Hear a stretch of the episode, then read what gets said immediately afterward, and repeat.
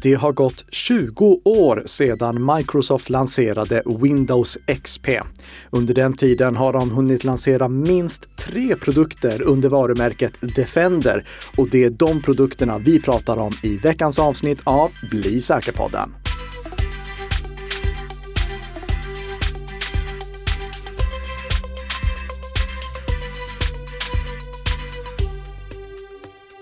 God morgon, god morgon Tess! Ja men god morgon, god morgon Nicka!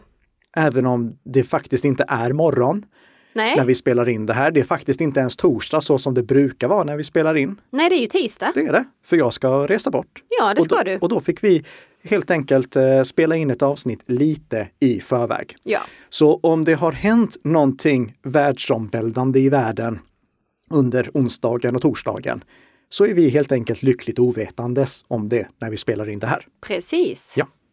Någonting vi däremot vet, det är att eh, det har kommit en följdfråga kring ett av våra tidigare avsnitt, närmare bestämt avsnitt eh, 58, eh, nej 158 av eh, Bli säker-podden som produceras i samarbete mellan Nika Systems och Bredband2. Jaså? För då pratade vi om eh, dumma smarta hem och jag berättade hur det gick att eh, rädda vissa komponenter genom att byta ut hubben. Mm. Men jag nämnde inte hur man skulle göra med de kameror som också går och blir end of life och slutar underhållas. Så jag fick frågan, går det på något sätt att rädda gamla kameror som inte längre får säkerhetsuppdateringar av sin tillverkare? Eller som i det här fallet inte ens kommer gå att använda annars. Ja. Och ja, det kan faktiskt gå. För precis som det går att eh, ta en, eh, en hubb och låta Z-Wave-prylar och Zigbee-prylar ansluta till den, så går det att ha en så kallad Network Video Recorder, eller NVR, som fungerar som en hubb för nätverkskameror. Så istället för att alla kameror agerar separat, så spelar de in till en sån här Network Video Recorder och den är sedan den produkt som exponeras mot internet. Alla kameror, de blockeras så att de inte är åtkomliga över internet. Men själva Network Video Recordern, den är åtkomlig. Eller åtminstone möjlig att komma åt via VPN. Mm. Så det som går att göra, det är att kolla på olika sådana här Network Video Recorder lösningar. Och det kan vara till exempel en Synology NAS, det är det jag använder. Eller eh, en eh, en controller som stödjer nätverkskameror. Jag har en Fibaro Home Center 2, den stödjer också nätverkskameror och där har jag också åtkomst till mina kameror igenom. Så där, spelar jag inte in någonting, men eh, jag spelar in till min NAS, min Synology NAS och sen har jag bara möjlighet att titta via min, eh, min Home Center-lösning, min Mm. Home Center-hubb. Så det man kan göra det är att kolla på de här olika Network Video Recordernas kompatibilitetslistor. Se ifall ens kameror som har gått ur tiden finns med där. Och i så fall går det att eh, se till att de kamerorna, de spelar in och blir fjärråtkomliga genom Network Video Recorder-lösningen istället för att man kommunicerar direkt med kamerorna. När det gäller D-Links kameror som vi pratade om i det avsnittet, då är det åtminstone en av kamerorna som går att rädda på det här viset, men tyvärr inte alla. Så Okej. några kameror går att rädda, andra kameror blir plastskrot. Mm. Och det här är ju någonting som jag skulle rekommendera att alla funderar över också när de köper en övervakningskamera. Kolla ifall just den kameran är kompatibel med någon sån här Network Video Recorder lösning, till exempel Synology Surveillance Station, så att eh, det inte hänger på en specifik molntjänst för hur länge den kameramodellen kommer gå att använda. Just det. Och när det gäller att blockera kamerorna från att kommunicera över internet, det går att göra med till och med konsumentroutrar. Eh, använd föräldrakontrollfunktionen som jag har tipsat om tidigare. Använd föräldrakontrollfunktionen för att blockera kamerorna så att de inte ens kan ansluta ut. Då är det säkert. Okej.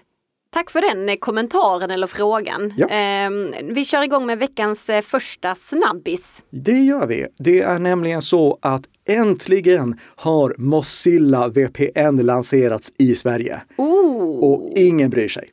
Nej, jag tänkte precis säga grattis till oss, men nej. Ja, nej, nej, nej det Mozilla slog på stora trumman i ett meddelande i ett eh, mejl som de skickade ut. Att nu äntligen är den här. Ja. Men det är ingen som kommer bry sig om den. Okej, varför inte det? För Mozilla VPN, det är eh, i grund och botten bara mullvad. Ah, Ehm, just det. Mullvad, de eh, låter ju även andra VPN-leverantörer skapa VPN-tjänster som använder Mullvads servrar. De har gjort så med Malwarebytes och de gör nu så med Mozilla också. Så om någon skaffar Mozilla VPN, då är det Mozillas VPN-klient som använder Mullvads servrar. Och Mullvad, de har vi ju rekommenderat flera gånger tidigare och vi har till och med gjort en intervju med deras vd när vi pratar om WireGuard-protokollet.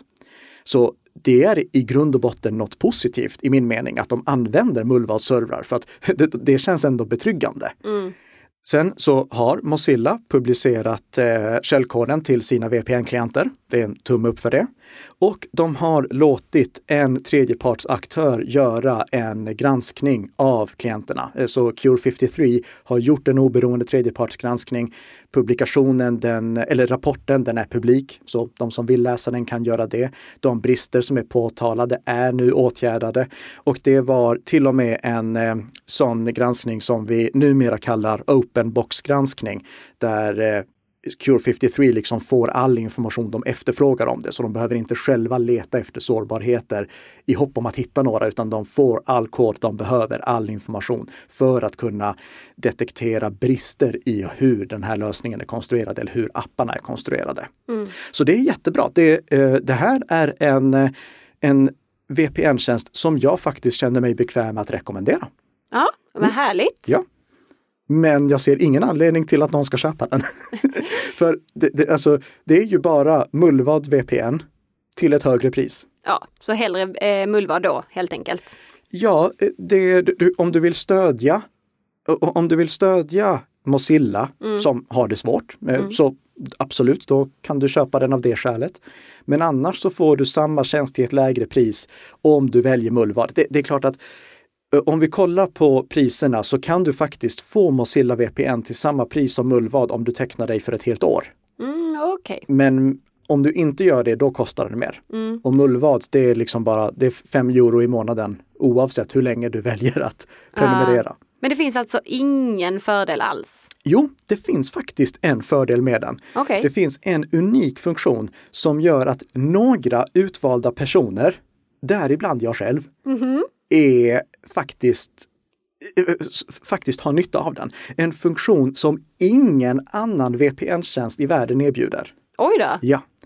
Och hade vi haft reklam i den här podden, då hade det varit reklampaus nu. Du får reda på vad efter pausen.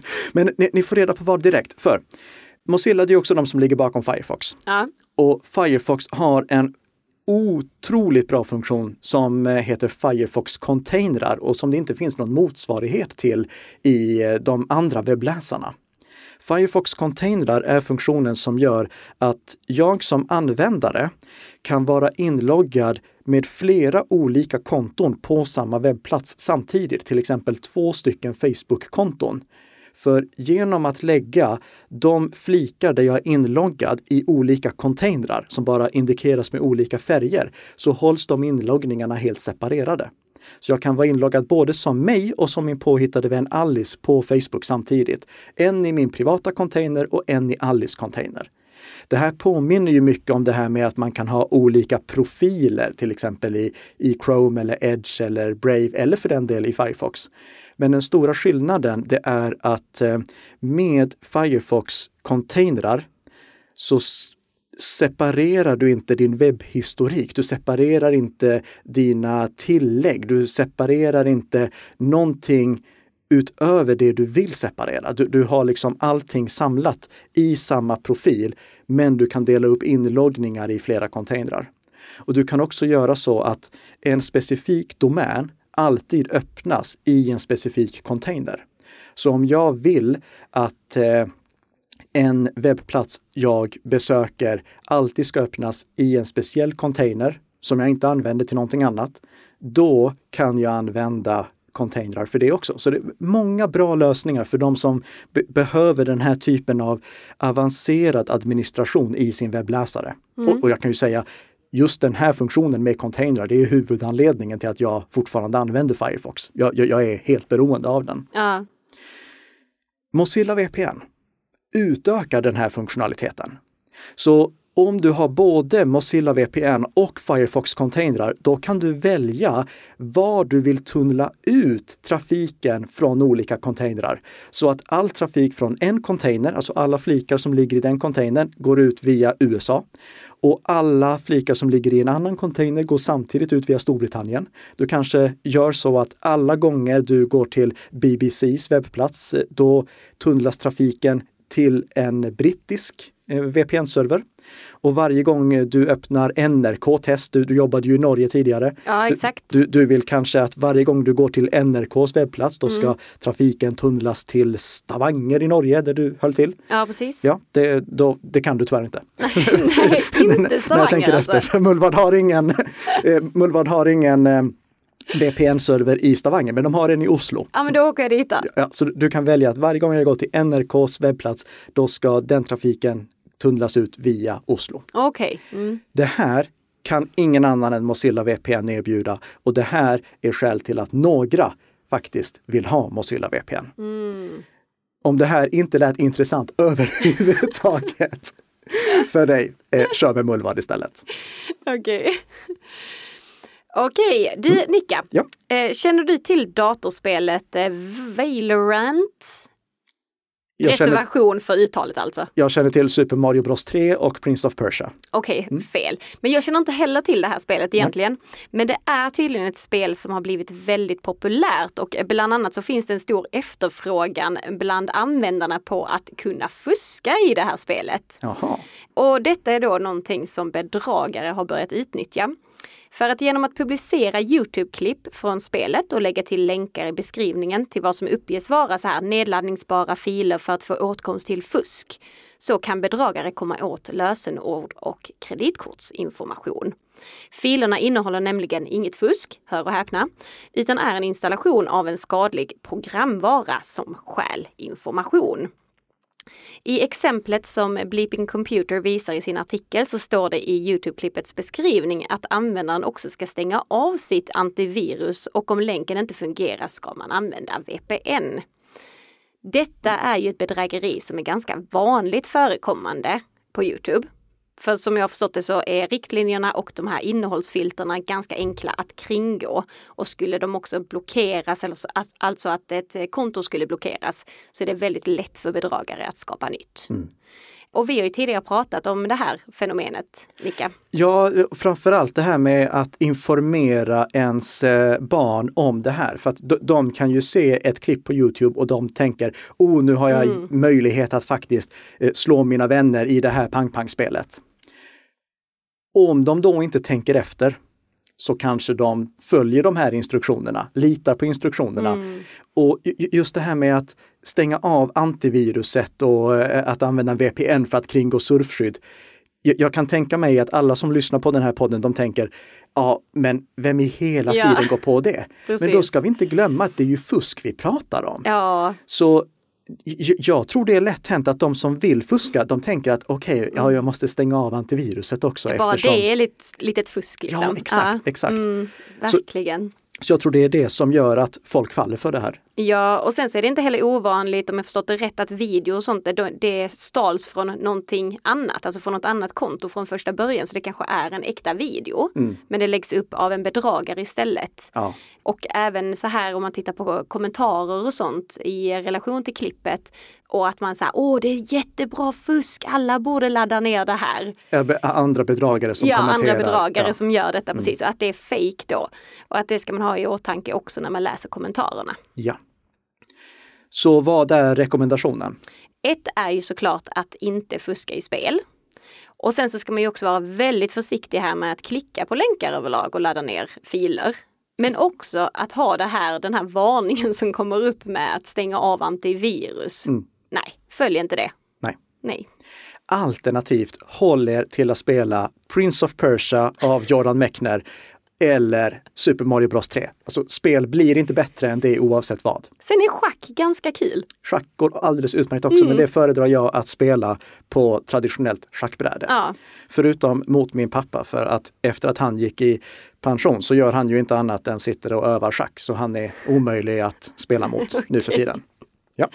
Okej, nog om det. Vi nog går över till den sista nyheten eller snabbisen. Precis, för i lördags då upptäckte Facebooks regionala nyheter att eh, de hade fått Facebook-sidor kapade. Det var närmare bestämt eh, Facebooks regionala nyhetssidor i Dalarna, Norrbotten och Västerbotten namnen på deras Facebook-sidor hade plötsligt bytts ut mot någonting som jag tror är vietnamesiska namn. Mm -hmm. Men eh, för säkerhets skull så lägger jag en eh, skärmdump i artikeln som finns i våra show notes så kan ni se hur det såg ut när namnen var ditlagda. Jag tror ja. att det de ser vietnamesiska ut. Det gör de faktiskt. Ja. Mm. Ja.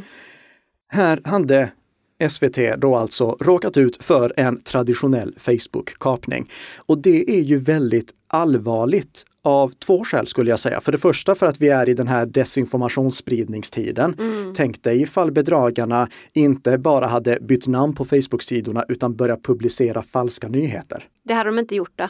Det hade de inte gjort nu, nej. nej. Det, och vi, vi, vet inte riktigt vad angriparna hade lyckats komma åt.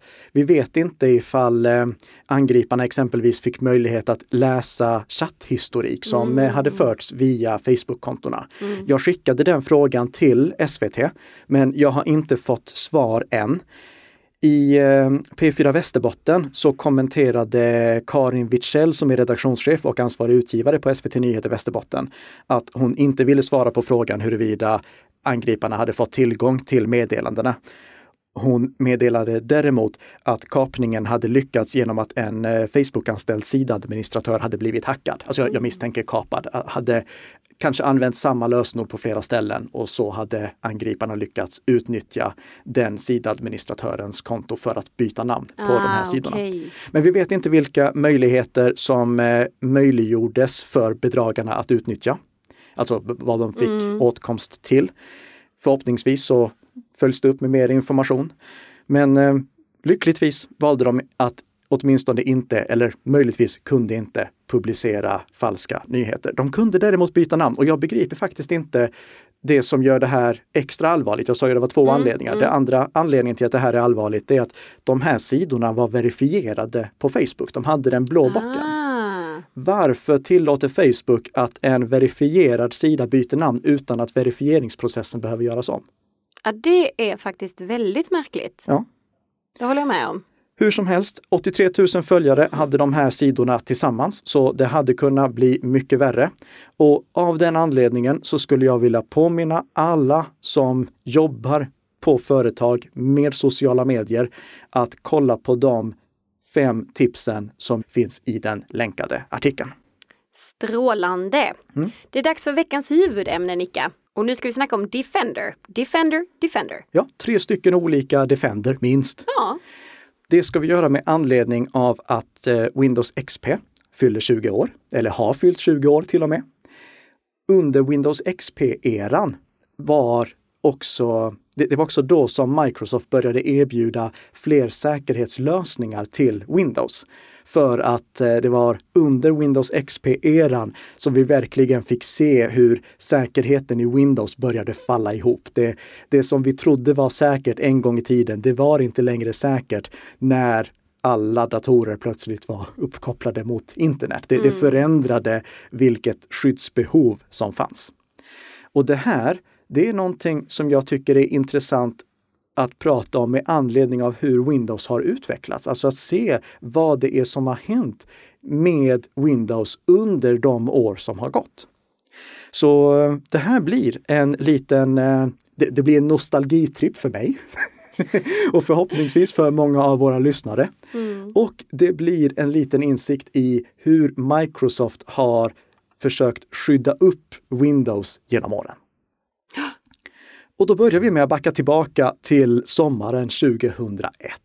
Mm. Det var strax innan Windows XP skulle släppas. Det, var det en fin, fin dag? Det var en fin dag. Det, jag minns att eh, jag åkte till Microsofts Roadshow för wow. Windows XP. Ja.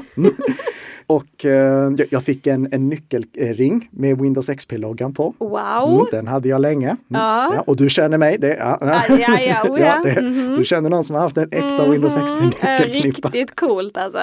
Ska jag hem och skryta om. Ja. Men eh, några år senare, då var det inte guld och gröna skogar längre, för då började vi få se de här internetmaskarna som plågade Windows XP och även äldre versioner av Wi- Windows, till exempel Windows 2000. Vi har till exempel Blaster. Ehm, jag eh, letade upp en artikel om Blaster från Svenska Dagbladet i oktober 2003. Då skrev de så här. Minst 50 000 svenska datorer infekterades på några timmar i måndags av Lovsan. Och det är ett annat namn för Blaster. Då hade inte Blaster blivit det universella namnet för den masken än. Och det här var alltså en mask som spreds automatiskt från dator till dator till dator till dator. Ett år senare, eh, då var det dags för Sasser. Jag tror att många av våra lyssnare minns Sasser eftersom det var skadeprogrammet eh, Masken som infekterade datorn och sen gjorde att eh, det dök upp en dialogruta där det stod Din dator startas om om 60, 59, 58, 57 sekunder tickade ner. Ah. Och så startades datorn om. Och när den hade startat upp, då kom det Din dator startas om om 60, Nej, 59. som en loop då alltså. Ja. Aj, aj, aj. I Sveriges Radio sa de så här maj 2004.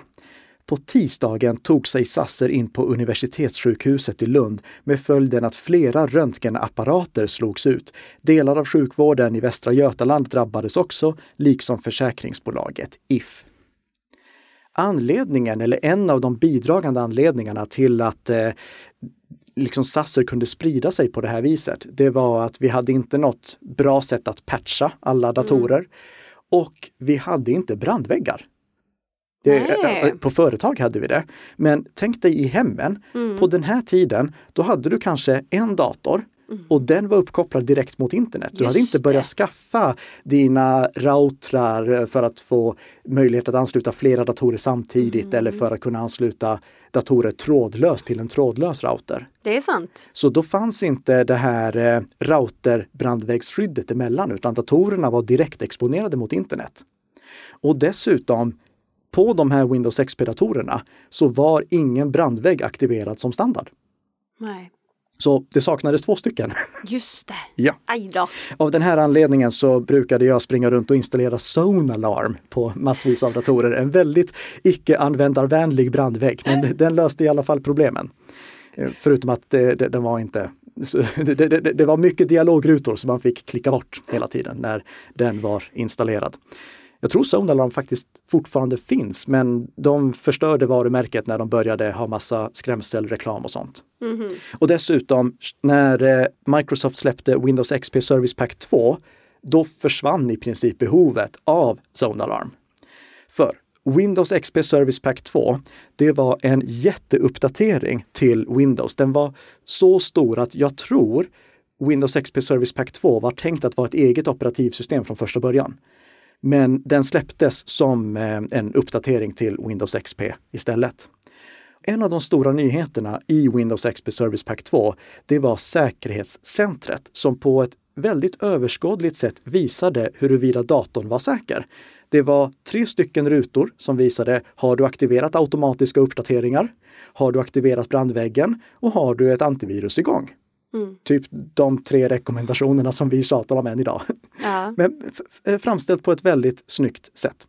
Och då var brandväggen aktiv som standard. För Microsoft insåg ju att det här med Blaster och Sasser, det är inte sista gången vi ser en mask som kan sprida sig på det här sättet på grund av att vi inte har aktiva brandväggar. Så då var brandväggen aktiv som standard. Men det fanns fortfarande inget eh, inbyggt antivirus.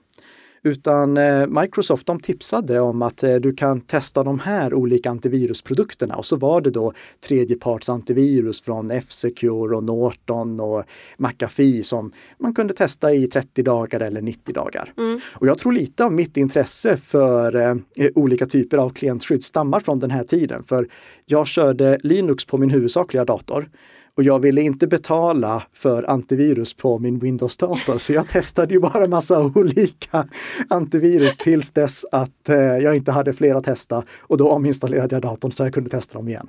Det förklarar en hel del, Nicka. Ja. Ja. Och jag, jag tror inte det var tillåtet att göra så enligt användaravtalet, men det borde vara preskriberat nu. Ett annat sånt program som jag installerade på massvis av datorer på den här tiden, det var Adaware från Lavasoft, ett eh, svenskt företag. Mm -hmm. För på den här tiden, då var det mycket problem med spionprogram och reklamprogram.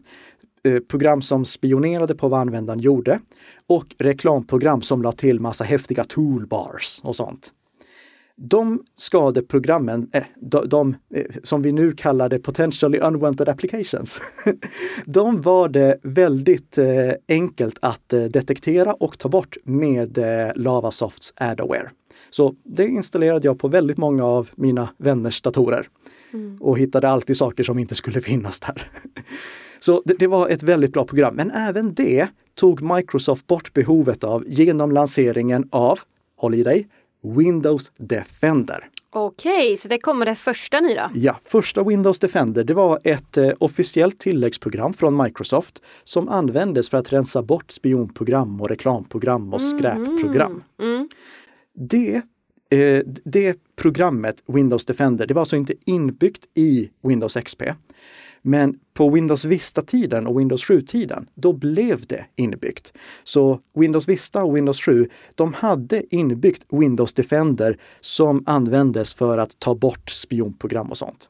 Men fortfarande inget riktigt antivirus som tog bort alltså riktiga skadeprogram. Nej. Det släppte Microsoft däremot under Windows Vista och Windows 7-tiden i form av ett tillägg som hette Windows Security Essentials. Och det var deras första riktiga antivirus som de släppte för svenska marknaden. Hur var det då?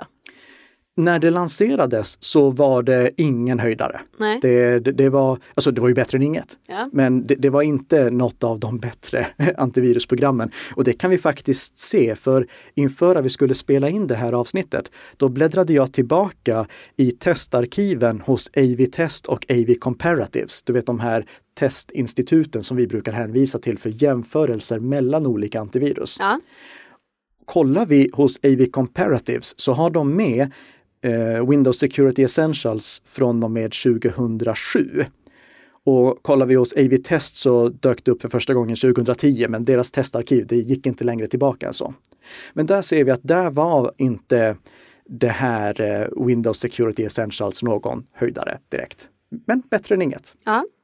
Och sen i samband med släppet av Windows 8, då tog Microsoft och byggde in Windows Security Essentials i Windows 8. Men bytte namn på det till Windows Defender. Jaha. Så nu är Windows Defender alltså det som tidigare hette Windows Security Essentials. Ja, så det är inte längre bara mot det spionprogram? Då? Nej, utan Nej. det är ett riktigt äh, antivirus. Mm. Och här började faktiskt också, ska man säga, Windows Defender mogna det började bli bättre. Mm. Det började bli konkurrenskraftigt, ett, ett gångbart alternativ för privatpersoner. Och sen till slut då, under Windows 10-tiden, runt eh, eh, decennieskiftet, då tog Microsoft och bytte namn på Windows Defender till Microsoft Defender, som är det vi har idag. Så Microsoft Defender är alltså samma sak som Windows Defender, mm. som inte var samma sak som ursprungliga Windows Defender, utan däremot Windows Security Essentials. Men Microsoft Defender ska vi inte blanda ihop med Microsoft Defender ATP, som vi kanske pratar om någon gång i framtiden. Mm. För Microsoft Defender ATP, eller Advanced Threat Protection, det är betalvarianten, det är företagserbjudandet. Ah, okay. Inte den inbyggda versionen. Nej. Men hit har vi alltså kommit idag. Genom en gäng olika Defender-lösningar så har vi till mm. slut Microsoft Defender, ett inbyggt klientskydd, ett inbyggt antivirus i Windows som faktiskt är bra. Och jag skulle därför vilja repetera det som jag tror jag sagt några gånger tidigare, men är värt att lyfta ytterligare en gång med anledning av att Bitdefender har slutat med sitt kostnadsfria antivirus. Och det är att om du inte vill ha ett antivirus som ger tillgång till support och ger tillgång till extra funktioner utan bara grunderna. Mm. Microsoft Defender är faktiskt bra nu. Det, välj Defender framför något sånt här skräp-antivirus, alltså skräp-gratis antivirus med massa skrämselpropaganda. Ja, det är sant. Vill du ha ett gratis antivirus, kör Microsoft Defender. Kolla på testerna hos AV-test och AV Comparatives så ser du att nu Äh, är det faktiskt riktigt bra. Du får inte support, du får inte extra funktioner, men det är ett bra antivirus på att detektera skadeprogram, på att eh, ta bort skadeprogram och på att inte stjäla allt för mycket systemresurser när den gör det. Det finns faktiskt en sån här säkerhetsprodukt till eller fanns ska jag snarare säga, som hette Microsoft OneCare. Det här var alltså på tiden då Microsoft kallade allting för någonting med One. Mm. Under Windows Vista-tiden, då släppte de Microsoft OneCare i USA. Det var inte relevant för svenska marknaden, men eh, på amerikanska sidan, där släppte de OneCare som var ett betalantivirus tillsammans med en bättre brandvägg. Ja. Det togs inte speciellt väl emot, får jag väl säga. På grund av att det inte hette Defender då antar jag? K kanske det, kanske ja. det. Det, det. kan hända att det är, alla saker måste heta Defender för att det ska lyckas. Men eh, nej, jag tror det snarare var för att folk tyckte att eh, om Microsoft har ställt till med problemet med osäkra datorer så ska de inte ta betalt för att åtgärda det. Ja. Ja.